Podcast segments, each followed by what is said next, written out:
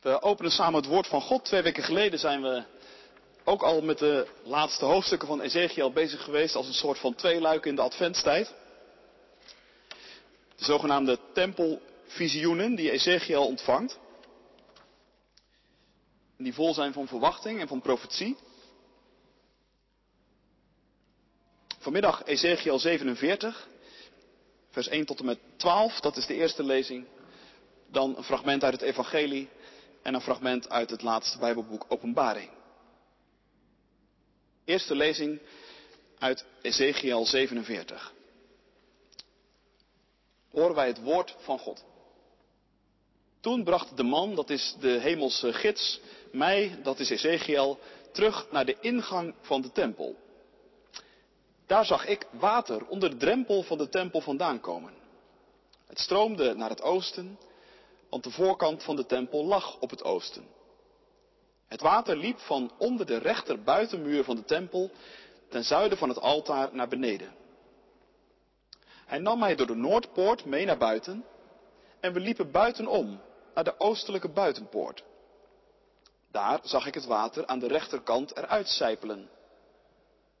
Met een meetlint in zijn hand ging de man naar het oosten en hij mat duizend el.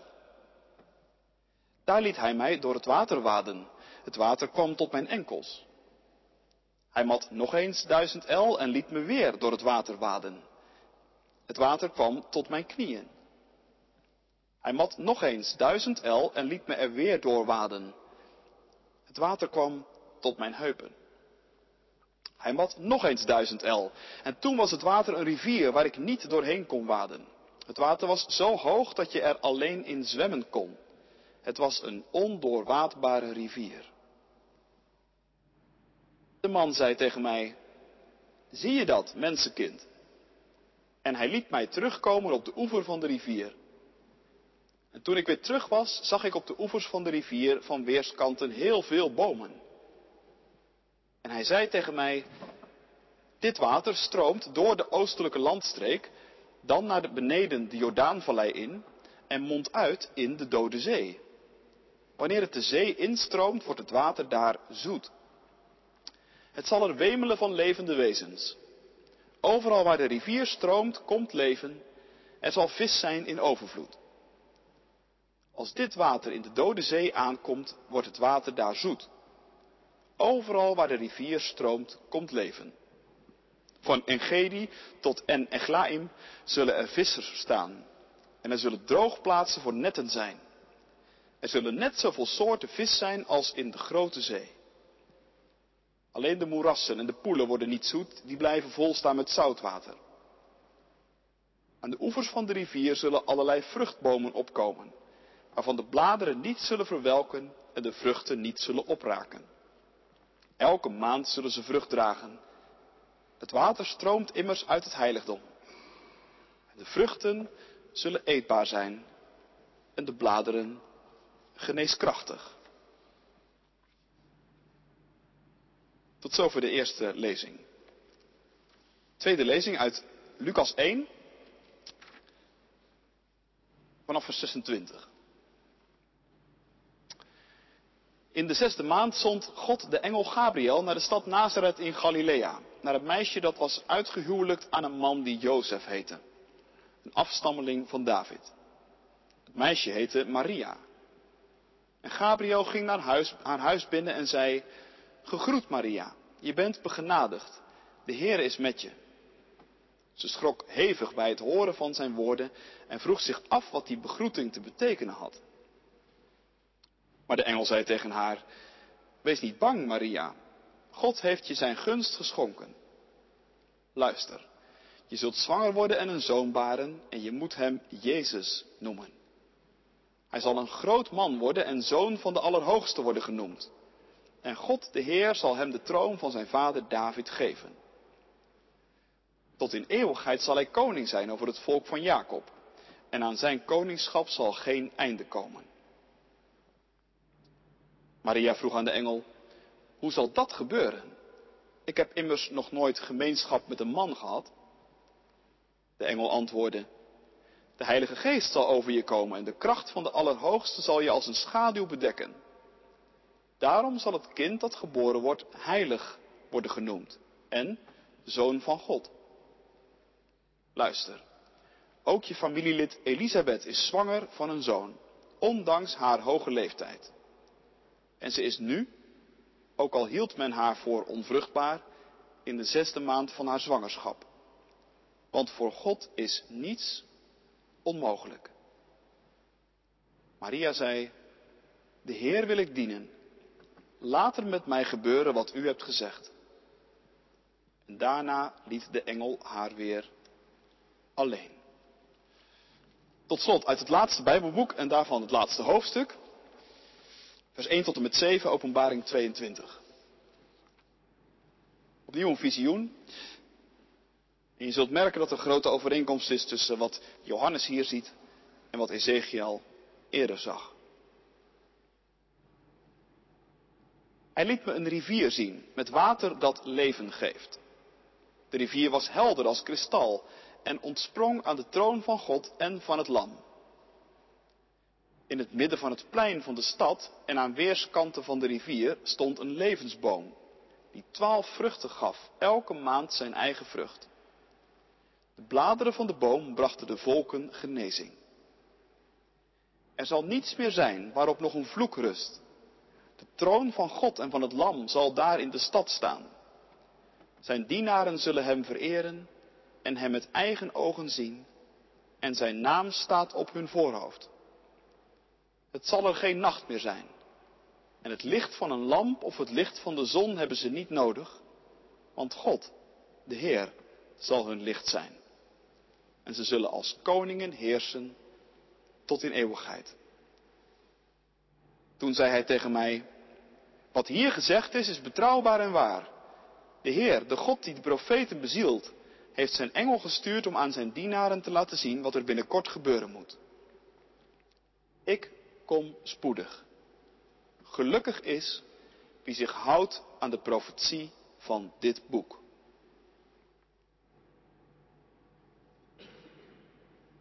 Tot zover ook de laatste lezing. Dit is vanmiddag het woord van God voor ons. En gelukkig zijn we als we het woord van God bewaren en daar ons vertrouwen op stellen. Halleluja. Amen. Gemeente van Christus, we gaan zwemmen vanmiddag. Zwemmen met Ezekiel op de golven van Gods liefde. En dat is eigenlijk best bijzonder, want mensen die zwemmen kom je in de Bijbel niet zo vaak tegen. En als je ze wel tegenkomt, dan is de aanleiding meestal niet positief en doen ze het niet vrijwillig. Denk aan Jona, die in de golven ten onder gaat. Denk aan Paulus als hij schipbreuk leidt en ten nauwe nood zwemmend een eiland bereikt. Water, dat is in de Bijbel meestal iets bedreigends. Het is een beeld van de dood en van de chaos. Golven kunnen letterlijk of figuurlijk over je heen slaan en je meesleuren in de ondergang. De mensen van Israël hielden niet zo van het water. Een beetje vissen op het meer van Galilea was eigenlijk al meer dan genoeg, vond men. Zwemmen deed je niet voor je plezier en zeevaren, dat lieten ze gerust aan andere volken over. Wat dat betreft is Ezekiel 47 dus een uitzondering. Want in dit hoofdstuk is zwemmen iets ronduit positiefs. Ezekiel, hij zwemt, weliswaar in een droom, maar toch rond in de rivier van Gods goedheid. Twee weken geleden stonden we stil bij de eerste helft van dit visioen.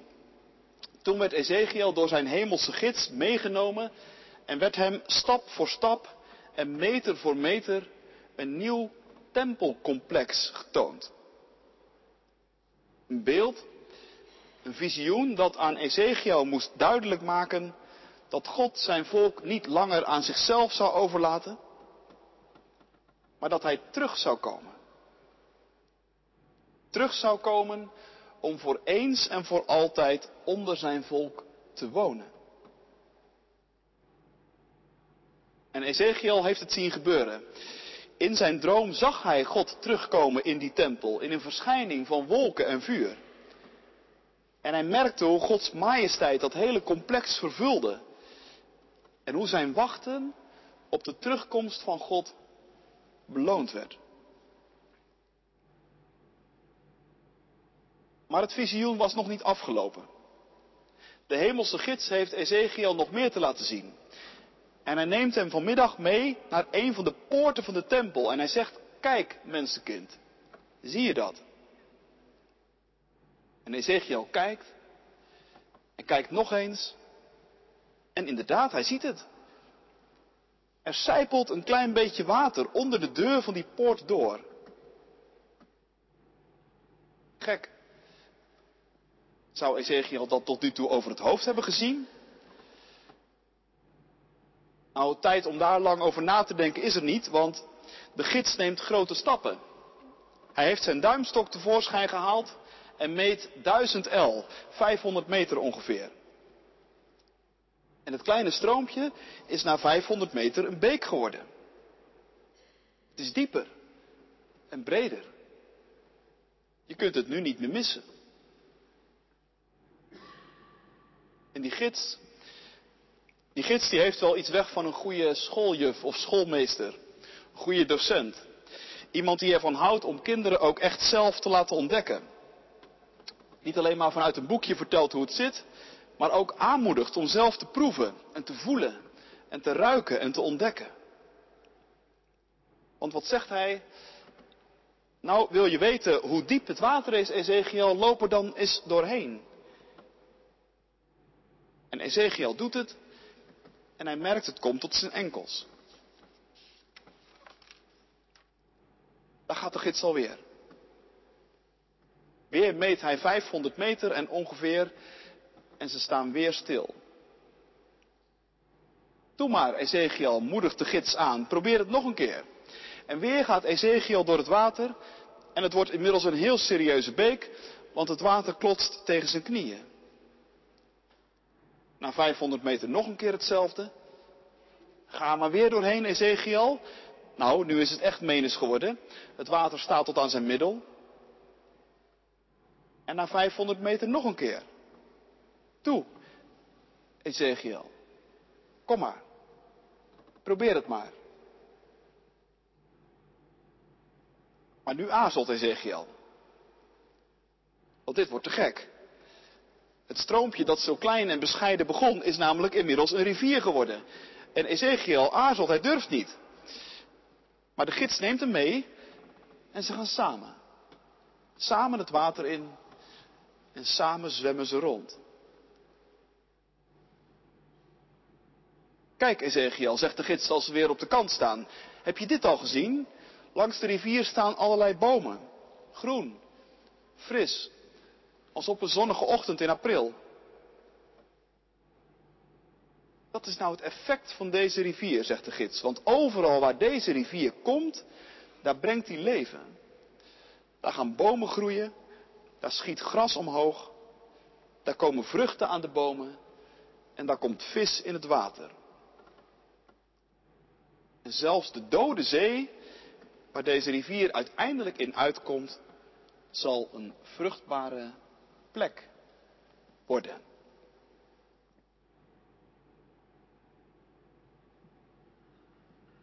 Ja, denk je, dat is mooi en aanstekelijk, maar waar gaat het nou eigenlijk precies over? Nou, dit visioen gaat over het effect van het komen van God in onze wereld. Dit visioen laat iets zien van de vernieuwende en helende, genezende beweging die op gang komt als de Heere God zich aandient. Want als God komt, dan komt Hij niet voor zichzelf. Elke keer als Hij op een bijzondere manier naar deze aarde komt, dan heeft Zijn komst een geweldige, heilzame uitwerking. En juist in die weken van Advent en Kerst komen we daar weer heel dichtbij. Ik ben gekomen, zegt Jezus later, om jullie het leven te geven en de overvloed. En als je Jezus ziet zijn gang gaan, dan zie je het ook gebeuren in zijn omgeving. Mensen worden genezen en worden verlost. Mensen keren zich om en beginnen een nieuw leven. En daar knap je niet alleen zelf van op, maar daar knapt ook je omgeving zo ontzettend van op.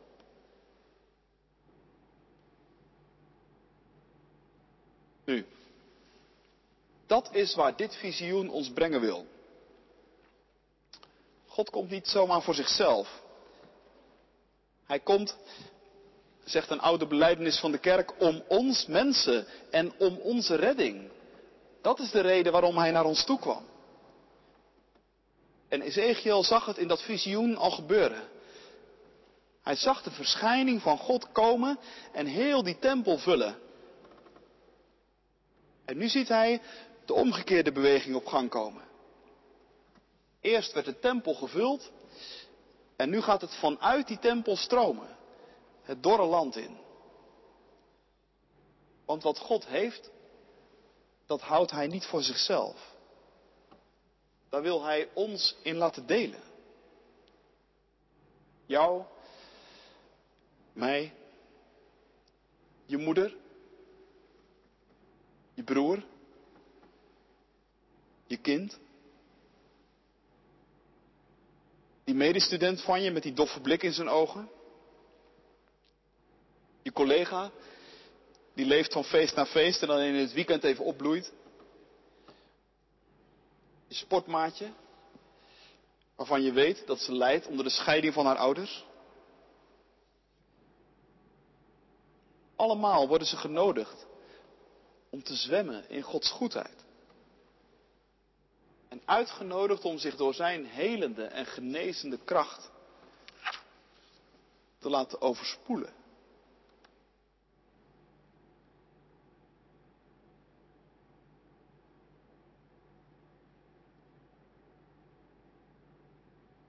Dit visioen stelt ons trouwens ook nog wel een vraag. Want hoe zit het eigenlijk bij jezelf? Heb je zelf al eens gezwommen in de goedheid van God? Heb je zelf die overweldigende kracht van Gods liefde al eens ervaren? Of is geloven eigenlijk nog een beetje pootje baden voor je? Af en toe steek je misschien eens een vinger of een teen in het water. Laat je het hooguit tot je enkels komen. Maar verder laat je je eigenlijk niet meenemen.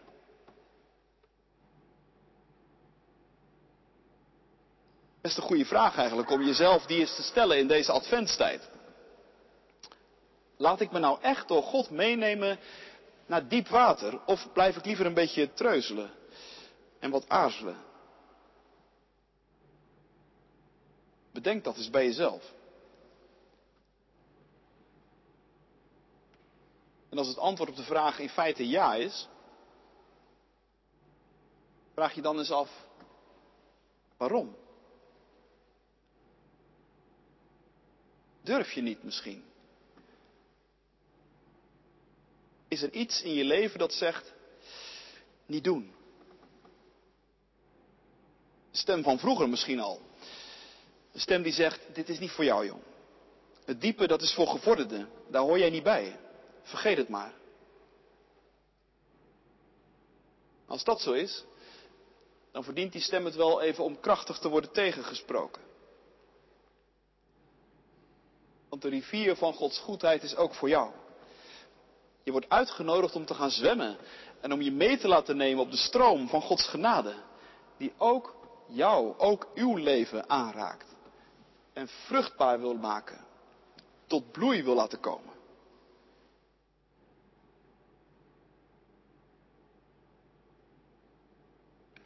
Maar er kan ook nog iets anders zijn dat je doet aarzelen. Niet zozeer de vraag of je wel mag springen, maar de vraag of je het eigenlijk wel wilt. Soms heeft pootje baden ook iets veiligs. Kan je het idee geven dat je christen kunt zijn en daarnaast toch min of meer ook wel jezelf kunt blijven? Natuurlijk geloof je in God, maar niet te fanatiek. Natuurlijk ga je geregeld naar de kerk. Maar zeker ook weer niet te veel.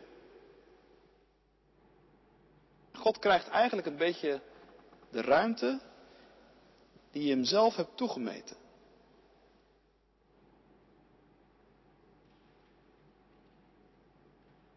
Als dat zo is. Waarom eigenlijk? Is dat niet heel armzalig in feite? En laat Ezekiel vanmiddag niet zien dat God veel meer van zijn liefde met ons wil delen dan een miserig afgepast stroompje. Laat Ezekiel ons vanmiddag niet zien dat het bij God om overvloed gaat en dat Hij totale vernieuwing en genezing van ons hele leven en van deze wereld op het oog heeft. En dat Hij met het water van Zijn genade alle resten en alle weerstand van wrok en oud zeer en gekwetst ego en wat je al niet hebben kunt, dat Hij dat weg wil spoelen.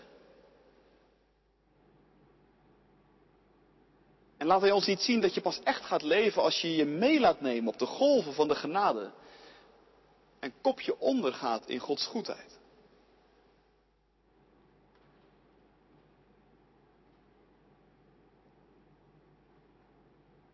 Het evangelie zit vol met verhalen over mensen die dat aan zich laten gebeuren. Neem nu bijvoorbeeld Maria. Verder een heel gewoon meisje natuurlijk, niks bijzonders. Ze staat op het punt om te gaan trouwen en ineens staat er een engel naast haar. Een boodschapper van God die haar leven op zijn kop zet. Je bent begenadigd, Maria, zegt hij. De Heer is met je. Gezegend ben je onder de vrouwen. Nou, me dunkt. Een engel naast je met zo'n boodschap. Dat is niet een uitnodiging om eerst eens even voorzichtig met een teen in het water te voelen. Dat is meteen een uitnodiging om te gaan zwemmen. Om te springen, diep in. En wat doet Maria? Zegt ze dan, nou, sorry, nee, maar dat kunt u toch zo niet menen? Mij is vroeger eigenlijk verteld dat dit soort ervaringen niet voor meisjes zoals ik zijn. U moet echt aan het verkeerde adres zijn. Of maakt ze misschien op een andere manier bezwaar? En zegt ze, ho ho, u komt nu wel heel dichtbij. Ik sta net op het punt om te gaan trouwen. Mijn uh, aanstaande man heeft een eigen bedrijf. Daar is hij erg druk mee, weet u. Bedankt voor het aanbod, maar ik denk toch eigenlijk niet dat ik een engel nodig heb in mijn leven.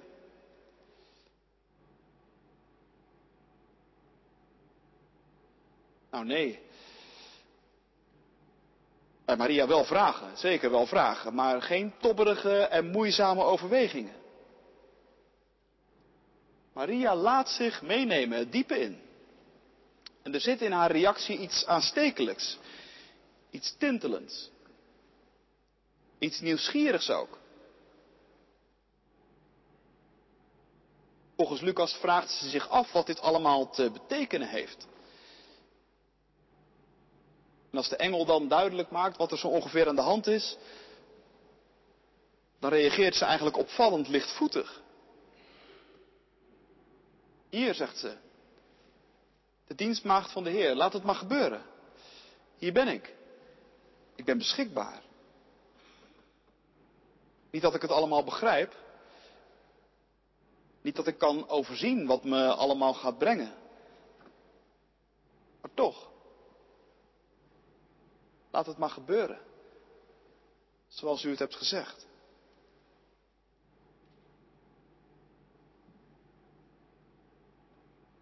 Laat het maar gebeuren. Ik denk, dat is de mooiste reactie die je kunt geven op een uitnodiging om in het diepe te springen. En vandaag derde advent 2019 klinkt er zo'n uitnodiging. Een uitnodiging aan ons allemaal. Gewone stervelingen. Kopje ondergaan in de stroom van Gods liefde is niet een extraatje. Niet iets speciaals voor een heel speciaal soort serieuze christenen. Nee, het is een uitnodiging aan jou, aan u. Kom, ga mee. En doe als Ezekiel. Doe als Maria. Laat je dragen. Laat je meenemen. En laat je verwonderen over wat de komst van God in deze wereld allemaal met zich meebrengt.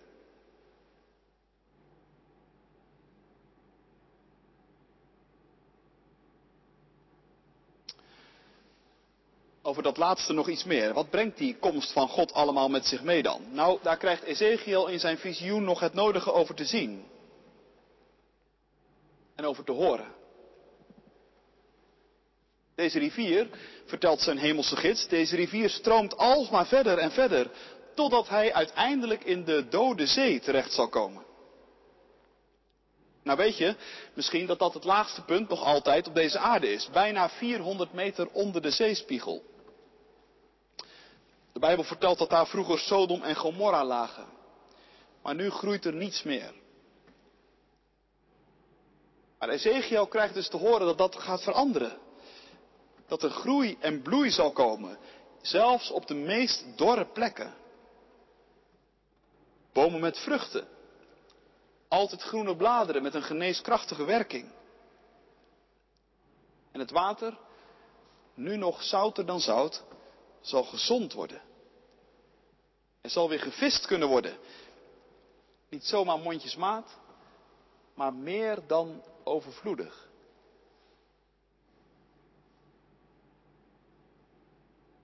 Wat betekent dat?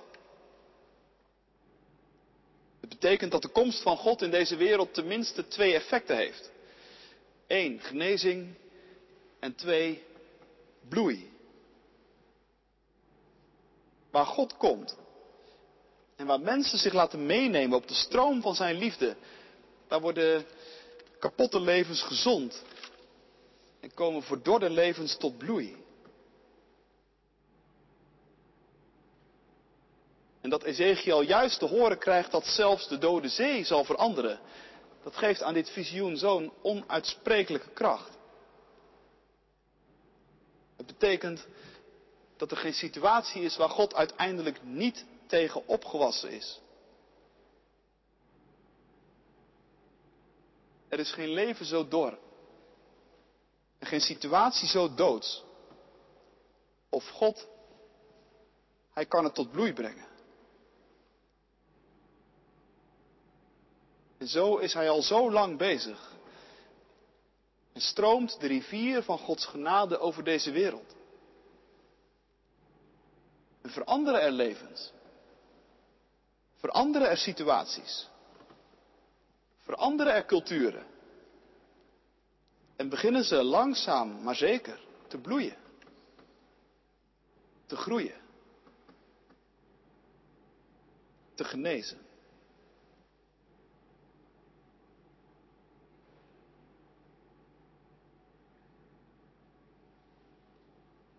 Nu ja, zeg je misschien, maar dat is toch eigenlijk vooral toekomstmuziek.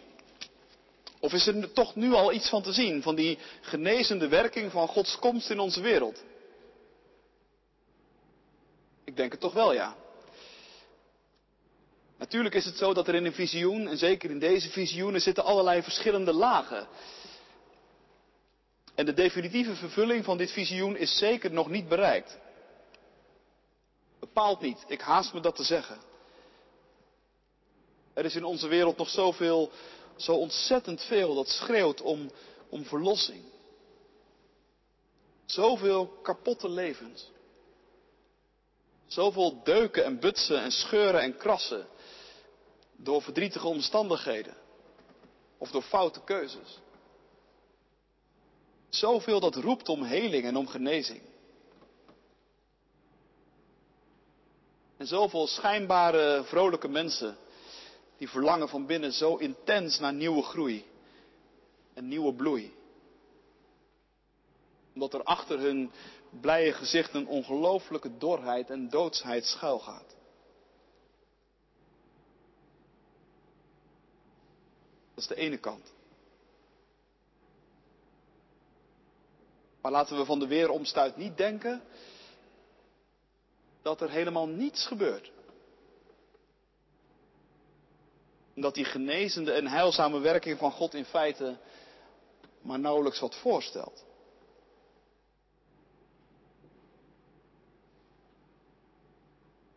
Het visioen van Ezekiel scherpt daarvoor onze ogen en onze oren.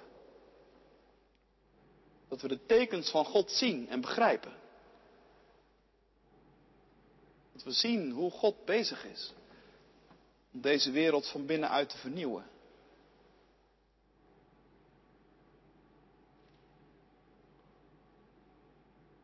Denk daar eens over na de komende week. Waar zie jij dat nou gebeuren? Ik heb er ook over nagedacht. Waar zie ik het gebeuren? Laat ik één ding noemen. Een van de vele voorrechten van dominee zijn is dat je er soms met je neus bovenop zit. Laatst vertelde iemand bijvoorbeeld nog dit tegen me. Iemand zei, lange tijd dacht ik dat mijn geloof iets was waar ik eigenlijk zelf verantwoordelijk voor ben. Lange tijd dacht ik dat mijn geloof iets was wat ik moest gaande houden. En wat ik op een bepaalde kwalitatief pijl moest houden ook. En ik merkte hoezeer me dat ging frustreren. En hoe mateloos het me irriteerde als me dat niet lukte. En ik merkte ook hoe het mijn denken en mijn voelen en, en, en eigenlijk mijn alles begon te blokkeren.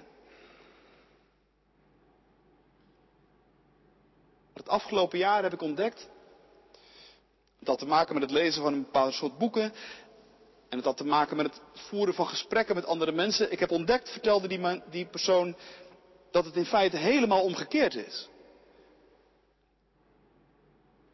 Dat ik niet zoek, maar dat ik opgezocht ben. En dat ik meegenomen word. En toen ik me dat begon te realiseren, toen viel er als het ware een kwartje en ging ineens alles er anders uitzien.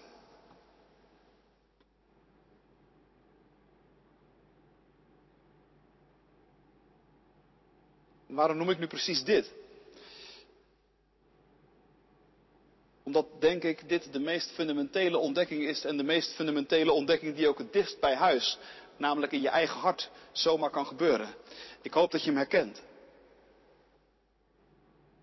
Het is de basale ontdekking waarbij alle vernieuwing begint. En waarbij elke vernieuwing telkens weer opnieuw begint. Elke vernieuwing en elke genezing van binnen begint ermee. En begint er telkens weer opnieuw mee. Dat je merkt, beseft, dat niet jij draagt, maar dat je gedragen wordt. En dat er golven zijn die je meenemen, die je optillen. Golven waarin je mag zwemmen. telkens als onze ogen daar weer opnieuw voor open gaan, dan zien we God weer opnieuw. En krijgt Hij weer opnieuw betekenis voor ons. En gaan we ook steeds meer tekens om ons heen zien van Zijn aanwezigheid. Gaan we ook steeds meer pijn voelen over al die plekken en al die momenten en al die mensen waar de stroom van Gods genezing nog niet gekomen is. Of waar je die erg zou wensen en verlangen. Die twee dingen gaan overigens samen op. En het kan ook niet anders. Of er wordt een steeds sterker brandend verlangen in je wakker. En je krijgt heimwee naar de toekomst van God. Toekomst waar het in het Bijbelboek Openbaring over gaat zonder nacht, zonder pijn. Stad van God, waar de rivier vol levend water doorheen stroomt. Waar mensen en dingen groeien en bloeien. Waar God zal zijn alles in allen. Kom, Heer Jezus. Kom haastig. Amen.